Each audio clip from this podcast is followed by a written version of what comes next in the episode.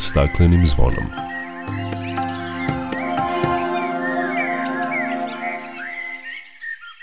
Dobar dan i dobrodošli na Zeleni talas prvog programa radija Radio Televizije Vojvodine. Ja sam Dragana Ratković.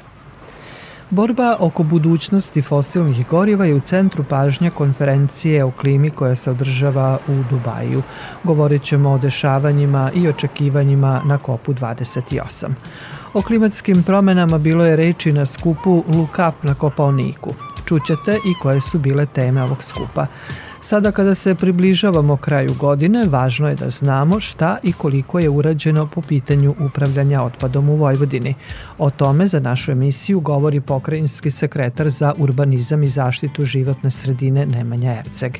Biće reči i o akcijama jesenje sadnje u Temerinu, Novom Sadu, Sremskoj Mitrovici i Zrenjaninu. O najavljenom više nakon pozdravne pesme. Dok priroda kraj nas za vladarskim svojim tronom. Tužno vele narikače pod staklenim smo zvonom. Znaj vazduha više nema Sve manje je i ozona. Protiv sebe ide čovek i to često bez pardona uništenju živog sveta Kao da su ljudi skloni Čovek sam je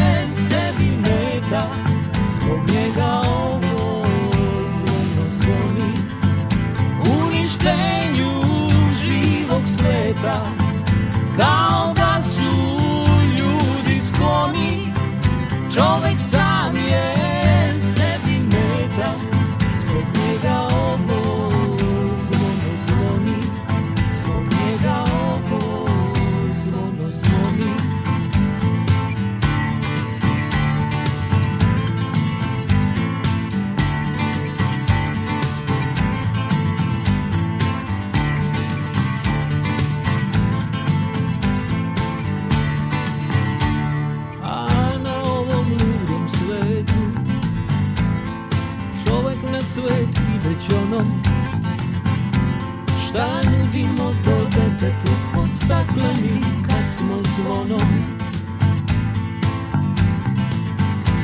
Uništenju živog sveta Kao da su ljudi skloni Čovek sam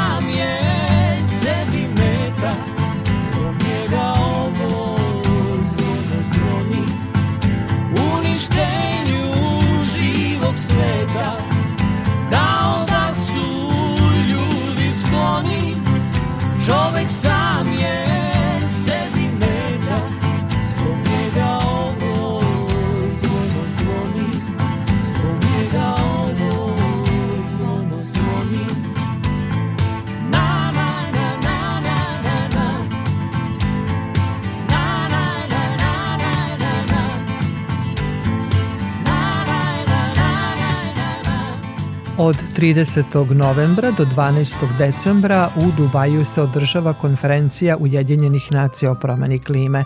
Borba oko budućnosti fosilnih goriva je u centru pažnje na klimatskom samitu COP28.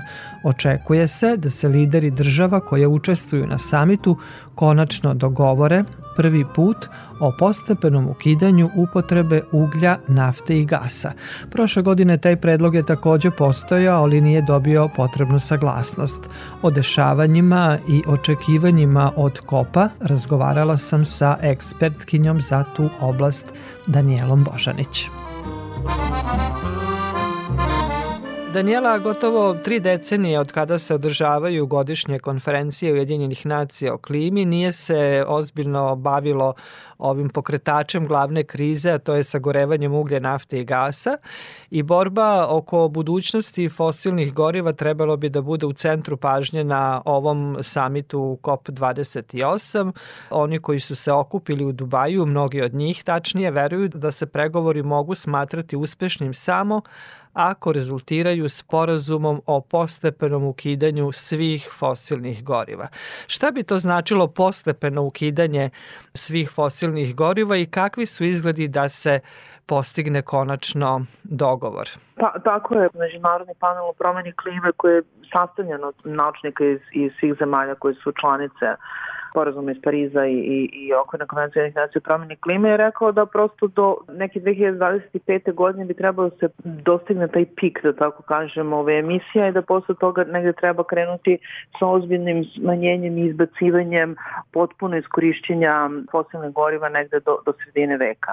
To je potreba kako bi dostigli osnovni cilj sporazuma iz Pariza, to je onaj jedan stepen Celzijusa rast globalne srednje temperature do kraja veka. Sad koliko je izvesno da će to desiti, kao što ste rekli, prošle godine je bila ova tema na agendi, međutim u tekstu koji je usvojen nije se našlo prestana korišćenja, već se našlo nešto se zove, moglo prevesti manjenje korišćenja. Bojim se da ova konferencija nekako u ovom trenutku deluje kao da ima slabih šansi da se dođe do tog konsenzusa po pitanju apsolutnog prestanka korišćenja fosilnih goriva posebno kada pogledate negde trend i način vođenja uvoda, da tako kažem, ovu konferenciju u poslednjih godinu dana, sve veće potenciranje posebno od zemlje domaćina i predsedavajućeg na, na ovom kopu, davanja značaja na nečemu što se zove carbon capture and storage, odnosno hvatanje i hladištenje ugljenika, koji prosto je jedna tehnologija koja podrazumeva zadržavanje korišćenja fosilnih goriva, ali hvatanje, uslovno rečeno, emisija ugljenika na, na izvoru i njegovog skladištenja u podzemne slojeve zemlje kako bi se prosto smanjile emisije. Tako da, što se tiče izbacivanja fosilnih goriva, bojim se da taj rečnik nije preterano izvestan kao rezultat ove konferencije, odnosno nisam preterano pozitivno u tom smislu, nisu moje očekivanja da, da će do toga definitivno i doći. Međutim, sama konferencija i to konferencije i neka prijethodna iskustva nam pokazuju da neke stvari kako nam izgledaju u prvoj nedelji, prosto nas tok konferencije demantuje. Taj deo pregovora po pitanju prestanka korišćenja se ne vodi izolovano sam za sebe, nego on uključuje niz drugih elemenata koji se tiču i fonda za gubitke i štete i priče o finansiranju i ko će dobiti koji novac i e, koji će mehanizmi biti mogući ili dostupni za smanjenje emisija i koje su dalje očekivanja po pitanju podizanja ambicija u smislu smanjenja GHG gasova. Znači, prosto ne može da se gleda, kažem, izolovano dok pregovora po pitanju prestanka korišćenja, ali generalno negde onako kada, kada se pogleda u celini, bojim se da, da u ovom trenutku ovi ne možemo biti baš pretrano pozitivni sa velikim očekivanjem u tom kontekstu. Da, nikada se ne zna do samog kraja e, kako će ovaj, završiti, kakvim dogovorom će završiti konferencija, to smo se uverili prethodnih godina, ali ono što je realnost, imamo energetsku i klimatsku krizu, dakle jedno su naše želje i očekivanja, drugo je realnost jer se najavljuje da će u narednom periodu se emisije gasova sa efektom staklene bašte povećavati do 2030. godine. Negde Kina je rekla da će dostići svoj pik, odnosno maksimum emisija do 2030. godine. Nisu to neki neočekivani tokovi i dešavanja. I bojim se da nisu oni izazvani samo energetskom i klimatskom krizom, mislim, odnosno pre svega energetskom krizom, klimatskom nisu. Mi pričamo o potrebama transformacije jako velike industrije. Prvo, jako velikog broja industrijskog postrojenja. Drugo, energetski intenzivne industrije.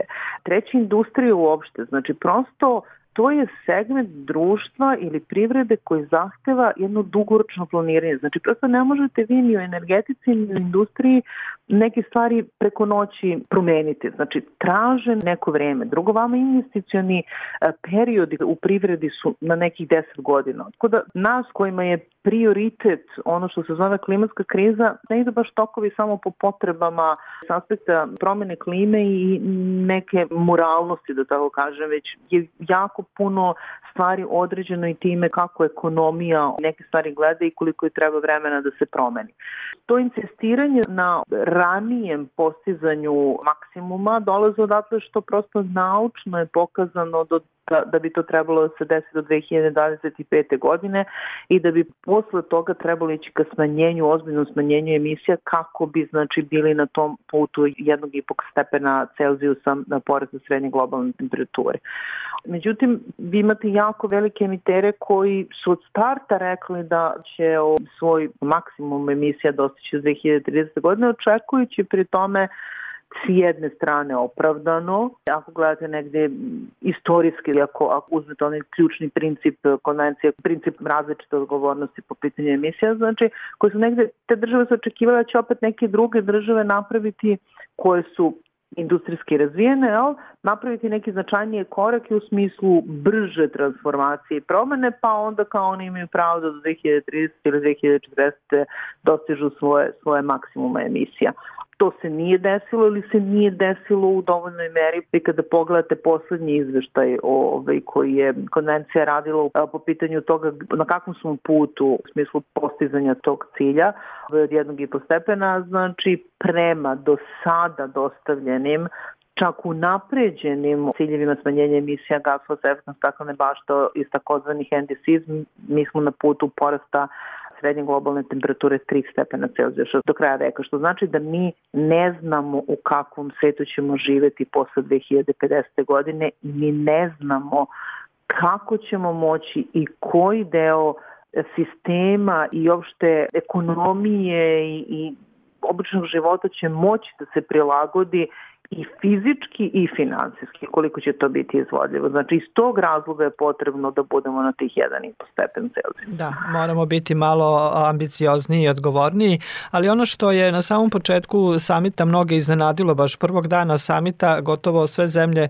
koje su prisustovali saglasili su se da se osnuje fond koji bi siromašnim zemljama pomogao da saniraju posledice klimatskih promena. To je, eto da kažem, jedna dobra vest na samom početku samita. Tako je. Znači, vi imate te elemente pregovora i da bi uopšte moglo da se priča o nekim elementima kao što su povećanje ambicija, dostavljanje novih e, ciljeva 2025. godine, značajno ambicioznijih od strane svih zemalja sveta, izbacivanje, odnosno prestana korišćenja fosilnih goriva, vi prosto negde morate da imate neke elemente, da tako kažem, pregovora. Taj element, jedan od tih elemenata jeste taj fond i da, dobro je što je uopšte prihvaćeno osnivanje fonda.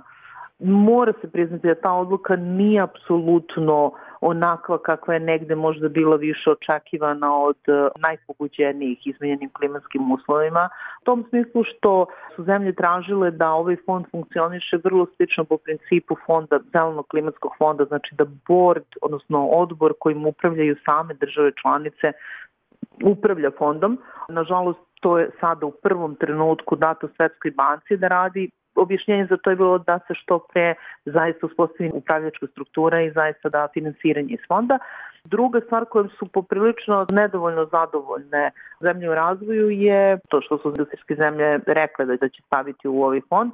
Ono što je sa zadovoljstvom prihvaćeno u smislu ove odluke je činjenica da se jasno čita u odluci da fond trebaju da pune znači industrijski razvijene zemlje svojim svojim već mehanizmima vidi se da je to njihova obaveza koju su preuzele. Srbija je takođe ranjiva na promene klime i zagreva se brže i više od globalnog proseka. Mi smo eto preduzeli određene mere, urađen je program prilagođavanja na izmenjene klimatske uslove do 2030. godine, doneli smo zakon, ali mnogo toga još nedostaje kako bi se to sve sprovelo u delo postoji neki pozitivni trend, baš izražen kroz, kroz ovo što ste rekli, usvojena je i strategija niskograničnog razvoja, međutim definitivno ono što, što najviše fali jeste o mehanizmi koji dovode do sprovođenja svega onoga što smo usvojili, jer bez toga mi, vi prosto nemate rezultat. A rekla bih da tih mehanizama i dalje fali i u smislu podzakonskih akata i u smislu akcionih planova i u smislu u krajnjoj liniji ozbiljnih budžeta koji sa nacionalne strane su određeni za ovu svrhu i u efikasnijeg uključenja privatnog sektora. Zašto? Zato što prosto, mislim, mi ne spadamo više u grupu najpogođenijih u smislu definicije konferencije. Mi smo prosto sada u grupi zemalja koja prema svom BDP-u spada u zemlje koje moraju da odrede deo budžeta koji će biti za tu svrhu.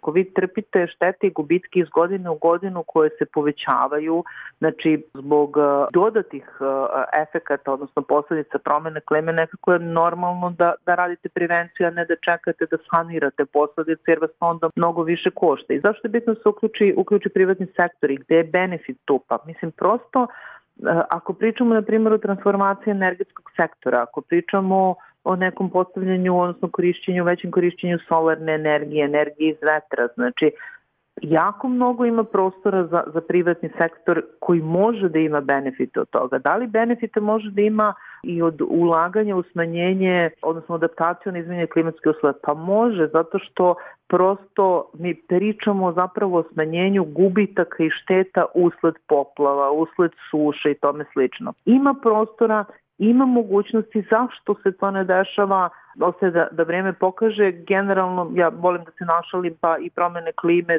se po naučnom zahtjevima ili odredbama definišu na period 30 godina, pa valjda i za naše reakcije u tom smislu je potrebno bar toliko. Pretrpeli smo ogromne posledice i u poljoprivredi i u drugim oblastima, pa valjda će nas to i osvestiti. Do samog kraja konferencije nećemo znati da li je postignut dogovor, odnosno kakvi će zaključci biti, ali e, kada bi mogli reći da je samit bio uspešan, šta onda u tom smislu bi mogli da očekujemo? više hipotetički. Dogovor i konkretne mehanizme koji će voditi ka povećanju ambicija u novom ciklusu podnošenja takozvanih NDC-za, odnosno nacionalnih doprinosa, povećanje korišćenja, odnosno udela obnovljivih izvora energije tri puta u ukupnom e, globalnom udelu, znači, odnosno miksu energetskom, konkretnije izjašnjavanje po pitanju novca koje su države industrijski razvijene spremne da, da odvoje znači u ovaj fond za gubitki štete. Recimo da su to neka tri ključna momenta ili četiri koja bi negde se mogla smatrati kao uspehom konferencije. Da li će biti konferencija uspešna i kakav će dogovor biti postignut i da li će uopšte biti postignut, ostaje da, da sačekamo kraj konferencije pa ćemo onda o tome pričati. Daniela, hvala vam lepo za razgovor i učešću u programu Radio Novog Sada. Hvala vama, prijetno.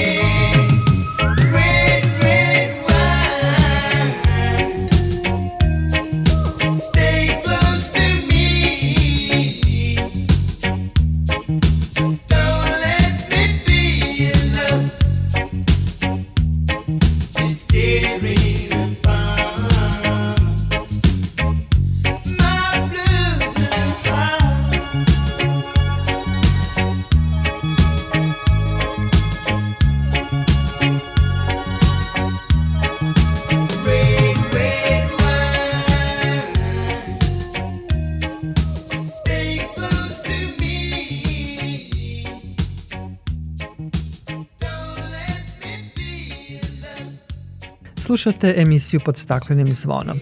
Klimatske promene su realnost naše planete i na njih moramo računati u svim oblastima u budućnosti. Potrebno je menjanje strategija upravljanja resursima i ulaganje u zelenu tranziciju kako bismo zemlju spasili od katastrofalnih posledica. Ovo su samo neke od upozoravajućih poruka sa druge regionalne Look Up konferencije koja je održana na Kopavniku i koja je okupila više od 500 eminentnih domaćih i međunarodnih stručnjaka iz oblasti energetike i ekologije, kao i predstavnike vlade Srbije i finansijskog sektora. Tamo je bila koleginica Dragana Cvetković. Da je zelena tranzicija već tu, saglasni su panelisti, ali neophodno je, ističu, udružiti snage regionalno i na nivou Evrope. Zeleno finansiranje je jedan od instrumenta, ali je neophodno i probuditi tržište kapitala. U Srbiji još uvek postoji otpor prema ulaganjima u ovoj oblasti, ali se, kako tvrdi ministarka poljoprivrede Jelena Tanasković, situacija ipak menja. Znate da smo mi pre dve godine objavili zelenu obveznicu koja je izuzetno dobro prošla. Vrlo je bilo zainteresovanih investitora jer vide da je Srbija opredeljena, da je krenula u tom pravcu. Srbija je zbog posledica klimatskih promena imala direktan gubitak od skoro 8 milijardi evra od 2000. godine. Pred nama je zadatak da motivišemo privatni kapital za ulaganja u oblasti zelene tranzicije, kaže rukovodila Centra za cirkularnu ekonomiju Privredne komore Srbije Siniša Mitrović. Srbija je u godinama 21, 22, 23 napravila taj obrt u delu regulatornog okvira zakon o obnovljivim izvorima, zakon o klimatskim promenama, zakon o upravljanju otpadom i možemo da kažemo da sada imamo relativno e, stabilan regulatorni okvir, ali ključan i maligna tačka celog sistema jesu financije. Jeste taj mali procenat koji se izdvaja iz BDP-a za e, potrebe zaštite životne sredine, posebno u delu novih e, zelenih infrastrukturnih projekata, iz razloga što je veliko havarisanje životnog prostora koje nastaje kao posljedica klimatskih promjena. Mi imamo direktan gubitak gubitak skoro 8 milijardi evra 2000. godine kao posledica klimatskih promjena.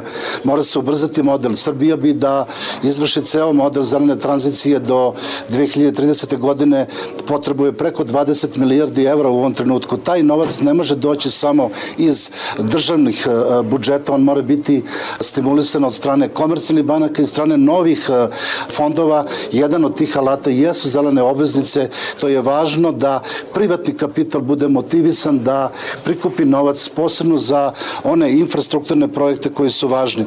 Moram da podsjetim da mi danas ne recikliramo ni farmaceutski otpad, ni tekstilni otpad, ni baterije. To je velika šansa za nove investicije za to što se zovu zelena radna mesta.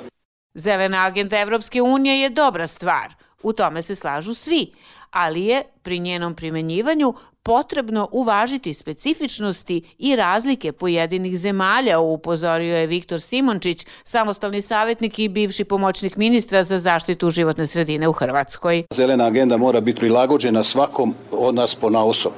Jer zelena agenda je prilagođena onima koji su bogati, oni mogu sve. Oni vam sad u Njemačkoj sve propagiraju te toplinske pumpe, te ovo ono, ali oni imaju para. I vi imate razliku u primanjima između država u Evropskoj uniji koji su enormne i što je, što je bitno, treba zelenu agendu i sve te stvari prilagoditi uvijek lokalnim uvjetima. Nije isto Srbija, nije isto Hrvatska, nije isto Slovenija, nije isto Njemačka ni Luksemburg. Hoću reći, gledajte na sebe.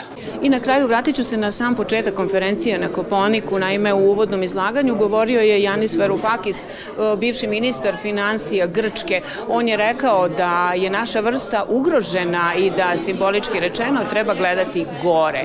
On je takođe rekao da ima novca i za zelenu tranziciju i za ulaganje u ekologiju, ali da od politike i političara zavisi kako će on biti upotrebljen.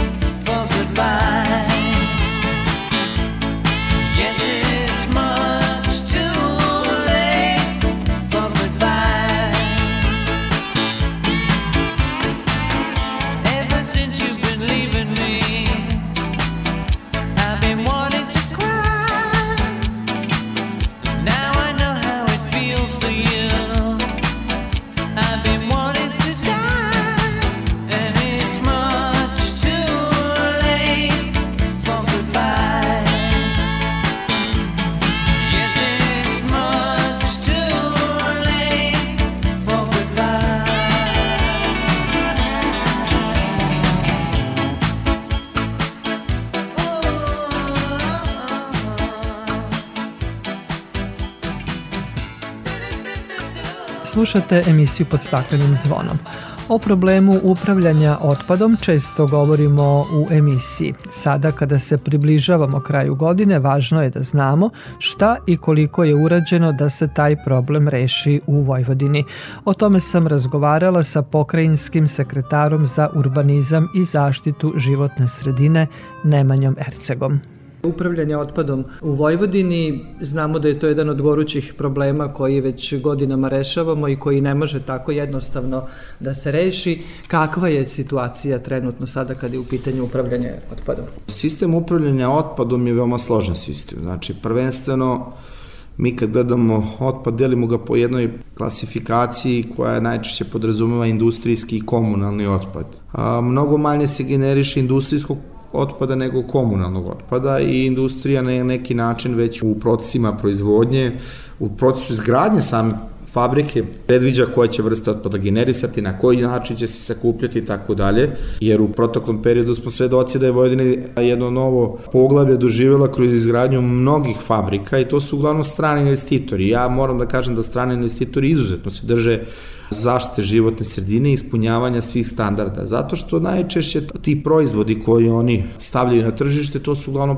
proizvodi koji jednim delom završavaju ovde, a najvećim delom u zemljama Evropske unije i u drugim zemljama. Tako da, bez ispunjavanja standarda životne sredine, ti proizvodi ne bi bili prihvaćeni u tim zemljama. Kada govorimo o komunalnom otpadu ili kada govorimo o posebnim nekim tokovima otpada, koji proizilazi iz komunalnog otpada, tu smo onako još u povoju i razvoju, ali smo dosta odmakli u odnosu na prethodni period i kada govorimo o komunalnom otpadu, nije više toliko gorući problem, mi već imamo svoje zacrtane konture i pravce i ono što slobodno mogu da kažem da mi danas možemo da primimo bilo koju delegaciju iz Evropske unije da obiđe regionalnu deponiju u Subotici, koja danas funkcioniše po principu i standardima, tako da imamo prihvatni centar, imamo liniju za separaciju otpada, imamo kompostilište, imamo linije za odlaganje otpada, imamo procedne i ocedne vode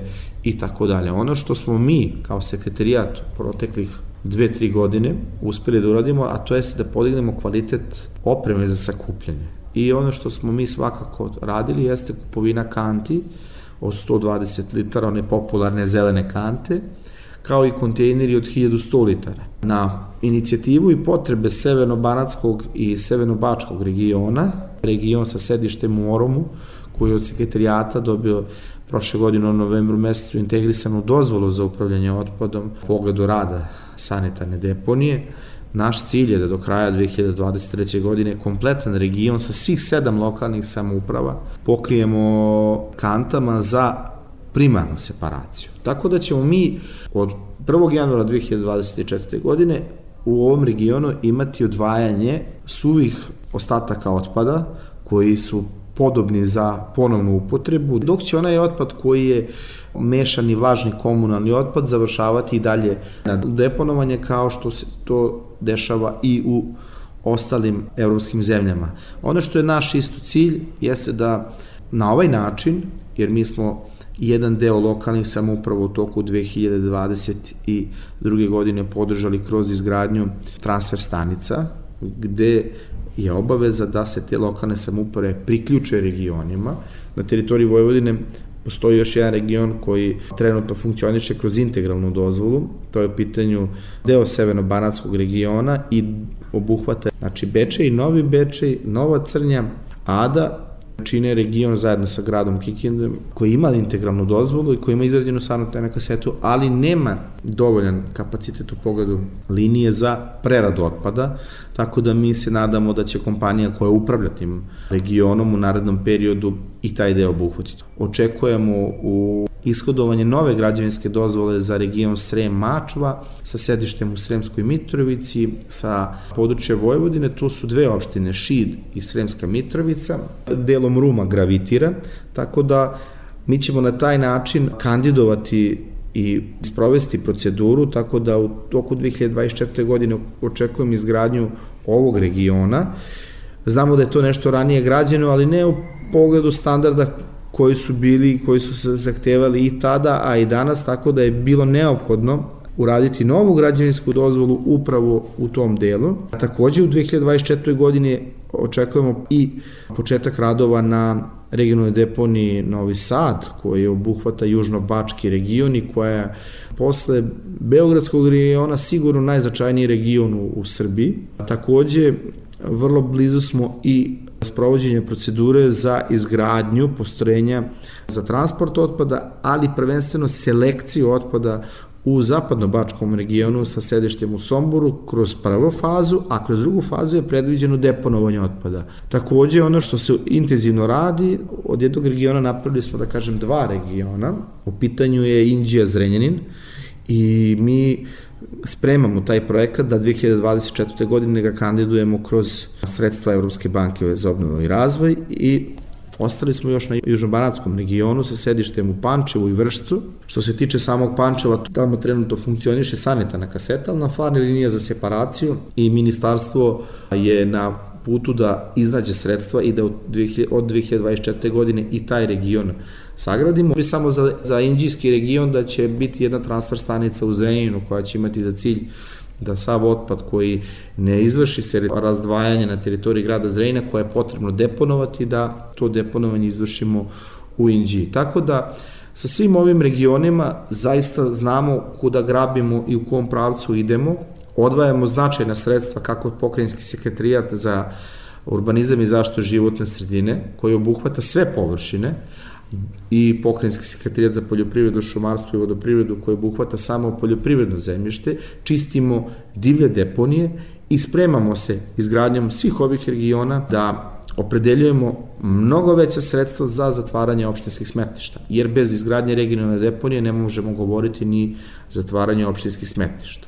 Ono što bi još dodao, što je, da kažemo onako, ekskluziva novost, mi smo inicirali kod Ministarstva zaštite životne sredine i ministarstvo nas je podržalo u tome. Danas razgovaramo već o projektu koji će biti takođe kandidovan deo kroz UNDP, znači kroz pomoć Ujedinih nacija, deo za razvoj, deo kroz Evropske banke ili Evropske fondove, a to je da sedam regiona na teritoriji Vojvodine dobije linije za građevinski otpad. Danas građevinski otpad završava kao pokrivka na deponijama, to su najčešće deponije koje ćemo mi ponovo platiti za zbrinjavanje i tako dalje, da se to više ne bi dešavalo, mi ćemo obezbediti kroz ove fondove da svaki region od napred pomenutih dobije liniju za građevinski otpad. Dobijanjem linije za građevinski otpad, koja je zajedno sa zelenim otpadom, a radimo i na razvoju linija za kompostiranje zelenog otpada, Novi Sad je pustio u rad. Sigurno blizu 50% učestvuje u količini komunalnog otpada. Tako da kad sve to sagledamo, dobijemo zaista ne više toliko gorući problem da ne znamo šta da radimo sa komunalnim otpadom i te kako znamo. Međutim, ono što građani Vojvodine i Republike Srbije treba da znaju da zbrinjavanje, upravljanje komunalnim otpadom e, je proces. To nije jednostavno kupiti opremu, implementirati i sad smo rešeni, nego jednostavno tu su i ljudske navike, tu su i neki stereotipi koji već funkcionišu kroz javna komunalna preduzeća koja se bave zbrinjavanjem tog otpada, Tako da, ono kada pogledate sliku pre 20 godina imali ste prilike da vidite na deponiji stari automobil i staru veš mašinu i frižider, danas toga više nema. Danas ne možete da nađete ni parče metala ili lima, zato što su shvatili da jednostavno neke stare stvari koje im više ne trebaju mogu prodati ovaj, licima koji imaju dozvolu za sakupljanje opasnog ili neopasnog otpada. To je neki proces, vidite koliko nam je trebalo da, u tom delu, ali naravno, proces se pokrenuo, dosta je prisutno i kroz medije i kroz naše projekte gde mi edukujemo. Svakako edukacija, obezbeđivanje neophodnih sredstava za implementiranje opreme, tehnologije i tako dalje za preradu, u ovom slučaju govorimo komunalnog otpada, sigurno doprinosi da danas imamo mnogo bolju sliku pogledu zaštite životne sredine nego što smo to imali ranije. Pokrajinski sekretarijat raspisuje godišnje i konkurse za lokalne samouprave kojima mogu da konkurišu i za nabavku opreme i za uklanjanje divljih deponija. Koliko su lokalne samouprave e, raspoložene da, da učestvuju u tom konkursu? Pa vidite, odmah ću vam reći, lokalne samouprave svakako su raspoložene, ali ono što smo mi uvideli da te zelene kante na teritoriji Vojvodine dos, sigurno je 95%, možda i 100% domaćinstava pokriveno i ono što mi želimo u narednom periodu da a, podelimo plave kante, to je kante za primarnu separaciju, kao što sam i naveo, na, naveo i u drugim regionima. Ono što mogu navesti kao jedan od značajnijih projekata svakako je Japanske agencije za razvoj popularnije džajke, a to je u Šidu projekat koji ima za cilj razvrstavanje otpada. Tako da ovaj, svakako jedinice lokalne samouprave te kako prepoznaju, ali i sekretarijat prepoznaje potrebe jedinice lokalne samouprava. Danas smo mi utvrdili ovaj, i to će ići vrlo brzo u budžet autonome pokrene Vojvodine za 2024. godinu, da su prevozna sredstva, takozvana kamioni, autosmećari, zaista potrebni, pogotovo manjim lokalnim samoupravama, jer su troškovi, odnosno izdaci za kupovinu jednog autosmećara zaista veliki. Tako da svakako smo spremni za izazove u narednom periodu, kako kroz otpad, tako i kroz, opet kažem, komunalne otpadne vode, koje ljudi ne sagledavaju kao otpada, ali je nakon prerade komunalnih otpadnih voda javlja se mulj i mogu da kažem da smo zajedno opet ovaj, potenciram Ministarstvo života sredine pripremili uredbu koja će u narednom periodu biti na vladi Republike Srbije, a moram da kažem da je donet program upravljanja muljem u Republike Srbije, tako da što se tiče mulja, Vredna sirovina koja se može iskoristiti. Vredna sirovina, ali hoću da kažem, predvideli smo više pravaca gde mulj može da završi.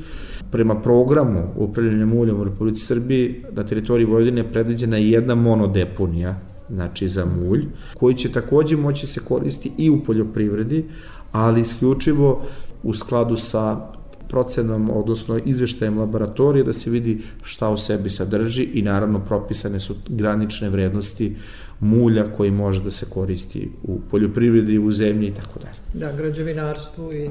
Isto da, tako, zaista. tako je. Hvala najlepše. Molim.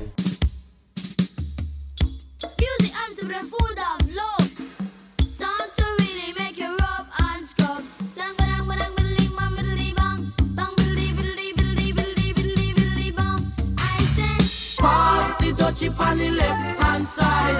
Pass the dutchie on the left hand side. It a go bun. Give me the music, make me jump and from. It a go done.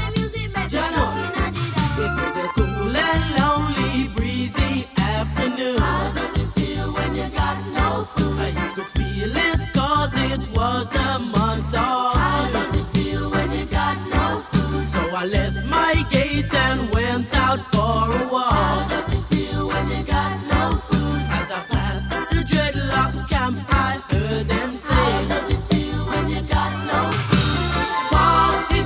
The left hand side. Pass the on the left hand side. It a go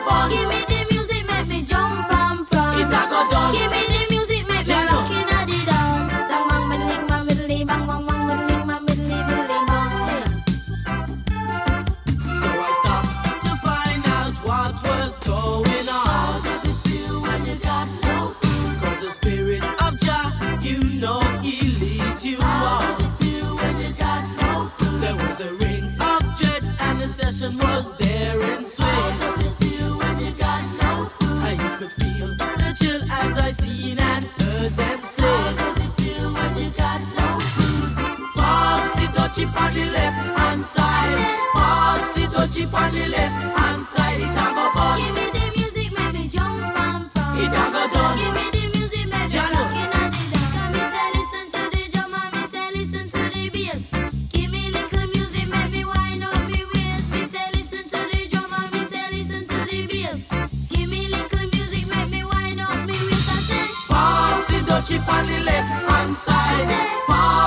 The dutchie on the left hand side. It a go bun. give me the music, make me jump and from. It a go done. Give me the music, make me looking at the down. You play it on the radio, and so me say we a go hear it on the stereo. And so me know we a go play it on the disco. And so me say we a go hear it on the stereo. Whoa. Pass the dutchie on the left hand side. Pass the dutchie on the left hand side. It a go bun.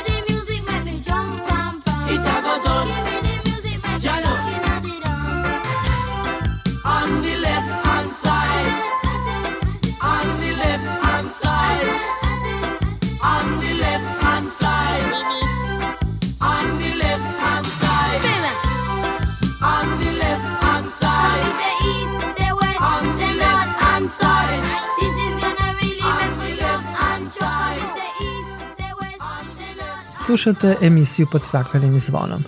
Pokrajinski sekretarijat za poljoprivredu, vodoprivredu i šumarstvo izdvojio je više od 72 miliona dinara za pošumljavanje i melioraciju degradiranih šuma u Vojvodini, koje su u letošnjem nevremenu pretrpele veliku štetu. O tome Vlado Matijević. Vojvodina je najnepošumljenija regija u Evropi i pokrajina godinama izdvaja novac za povećanje šumovitosti. Resorni pokrajinski sekretarijat za poljoprivredu, vodoprivredu i šumarstvo kroz konkurse izdvaja novac za podizanje šumskih pojaseva. Ove godine novac je opredeljen za melioraciju degradiranih šuma koje su tokom nevremena ovoga leta pretrpele štetu. Zasadi novih šuma planirani su na 406 hektara, izjavio je pomoćnik resornog sekretara Saša Stevanović. 61 milion dinara smo opredelili za melioraciju degradiranih šuma i to smo sve uspeli da potrošimo da tako se izrazim. I takođe za pošumljavanje smo imali 20 miliona, tu nažalost nismo uspeli sva sredstva, nije bilo dovoljno zainteresovanih, tu smo uspeli 11,5 miliona dinara da utrošimo. Ugovori su uručeni javnom preduzeću Vojvodina šume, preduzeću Mičelini i manastiru Grgetek. Vojvodina šume upravljaju najvećim delom šuma u Vojvodini, pa je i najveći korisnik subvencija koje daje pokrajina. Izvršni direktor za šumarstvo, ekologiju i razvoj u tom preduzeću, Marko Marinković, kaže da će novac iskoristiti za sanaciju stradalog drveća u šumama pokrajinska vlada je vrlo brzo reagovala i mi smo dobili i mimo ovih 60 miliona dobili smo 92 miliona prioritetno vezano isto za e, sanaciju, odnosno za ovu prvu fazu sanacije, to je bilo pre oko meseci i po dana, tako da nam vlada sa te strane jako puno znači kao stabilan partner i na kraju oni su naši osnivači, ali vode računa o nama kako bi mogli da to blagovremeno uradimo. Od novca koje je izdvojio resorni pokrenjski sekretarijat za poljoprivredu biće obnovljeno preko 500 hektara degradiranih šuma, U letošnjem nevremenu načinjene su velike štete na šumskom kompleksu, naročito u okolini Novog Sada, na području opštine Bačka Palanka i području Begeća na ukupno 1500 hektara, koji bi se što pre trebali sanirati. Najviše su stradale topole, pa se već radi na zasadima novih mladih stabala ove vrste.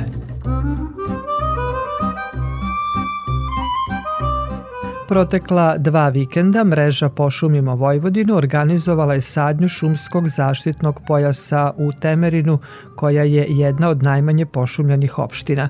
Posađeno je oko 200 sadnica platana, lipe, katalpi, javora i jablana. Projekat Šuma zove na akciju realizuju četiri članice mreže Pošumimo Vojvodinu, nosilac projekta Pokret Gorana Novog Sada i Udruženja Dečija ekološka akademija, Ekološki pokret Vrbas i Ruralni centar Sova, a sadnice su obezbeđene uz podršku Evropske unije kroz projekat Evropska unija za zelenu agendu u Srbiji. U Novom Sadu nastavlja se sadnja drveća i u decembru. Prošle sedmice u akciji Sadimo sada za budućnost Novog Sada 46 sadnica zasađeno je u parku Bistrica, a nove sadnice zasađene su i na štrandu i u stambenom bloku na Limanu 4. Akcija se sprovodi na osnovu plana rekonstrukcije zelenila s obzirom na to da je više od 3000 stabala u punoj životnoj starosti na teritoriji grada devastirano u julskom nevremenu.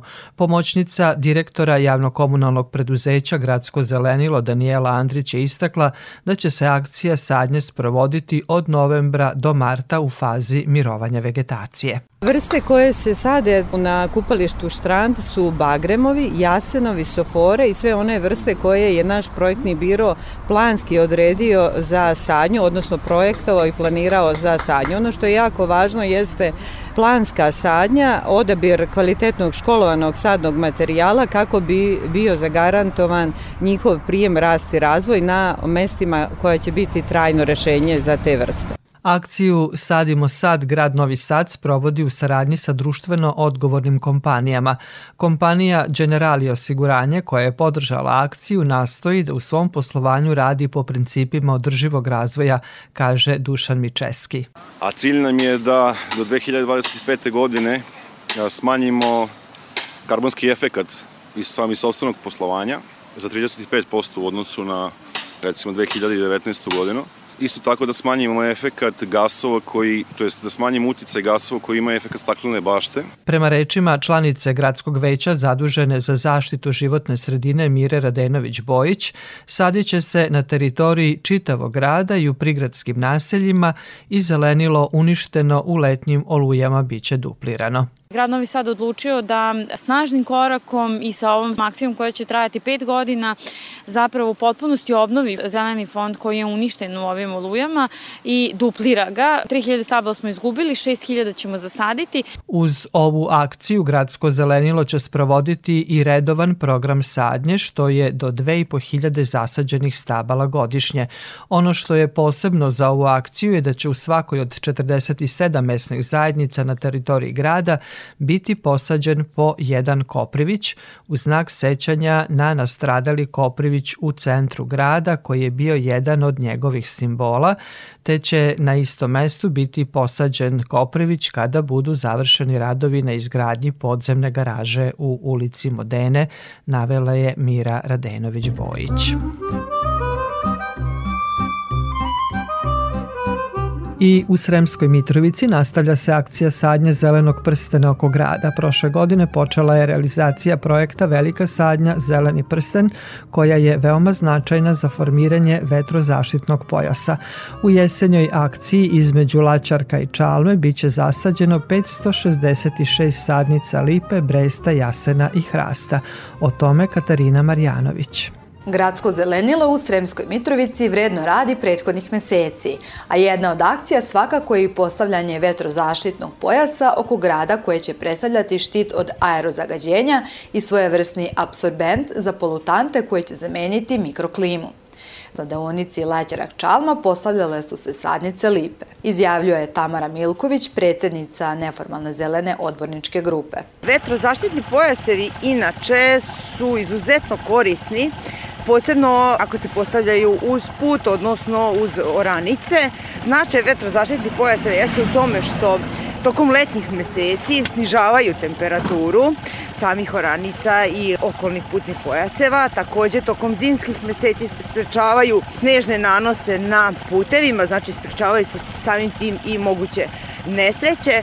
Postoji znači višestruki značaj vetrozaštitnih pojaseva, takođe i zbog biljnog i životinskog sveta u tom području. Naši stari ostavili su nam zelene oaze, a mi ćemo njima ostaviti zelene drvorede. Reči su predsednika Skupštine grada Sremska Mitrovica Vladimira Pavlovića koji je pozdravio sve koji su se uključili u ovu akciju sadnje zelenog prstena oko Sremske Mitrovice. Kažu da je najbolje vreme da se posadi drvo bilo pre 20 godina, a drugo najbolje vreme je sada. Zato mi nastavljamo veliku akciju sadnje koju smo počeli prošle godine na novom putu ka Čalmi. Nastavljamo sa formiranjem zelenog prstena oko grada Sremske Mitrovice, sa formiranjem vetrozaštitnih pojaseva.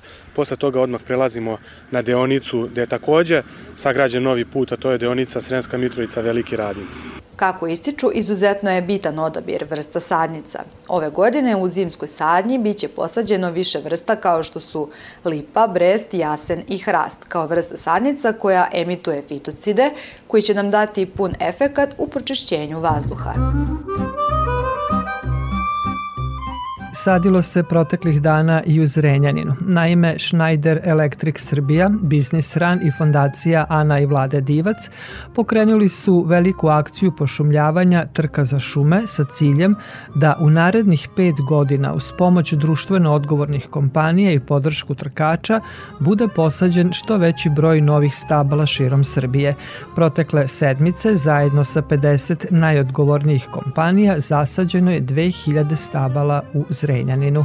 Prošlogodišnja sadnja bila je usmerena na grad Beograd, gde je posađeno 250 stabala, a plan za naredne godine je da se pošumi što više lokacija širom Srbije kroz moto jedan trkač, jedno stablo, kao doprinos trkača u borbi protiv klimatskih promena. Na kraju kampanje biće proglašen pobednik, kompanija koja je kupila najveći broj stabala i time doprinela izgradnji pluća naše zemlje. Na početku emisije govorili smo o problemu klimatskih promena, a time i završavamo. Naime, zbog suše uzrokovane klimatskim promenama, desetine slonova uginulo je od žeđi u popularnom nacionalnom parku Hvange u Zimbabveu. Kroz park ne protiče ni jedna veća reka i za snabdevanje vodom koriste se bunari na solarni pogon iz kojih zbog suše ne može da se izvuče dovoljna količina vode jer su količine padavina smanjene zbog klimatskih promena. U tom nacionalnom parku živi 45.000 slonova, a odraslom slonu je potrebno 200 litara vode dnevno. Toliko u ovom izdanju emisije pod staklenim zvonom koju možete slušati i odloženo na podcastu Radio Televizije Vojvodine na adresi rtv.rs. Emisiju realizovali Sabina Nedić, Maja Tomas i Dragana Ratković. Naredni susret zakazujemo za sedam dana u isto vreme na zelenom talasu prvog programa radija Radio Televizije Vojvodine. Wasted in love, misunderstood. Baby, it's harder to breathe when you're gone, so I hold in my hands pictures of you. Dream of the day you were eating for two.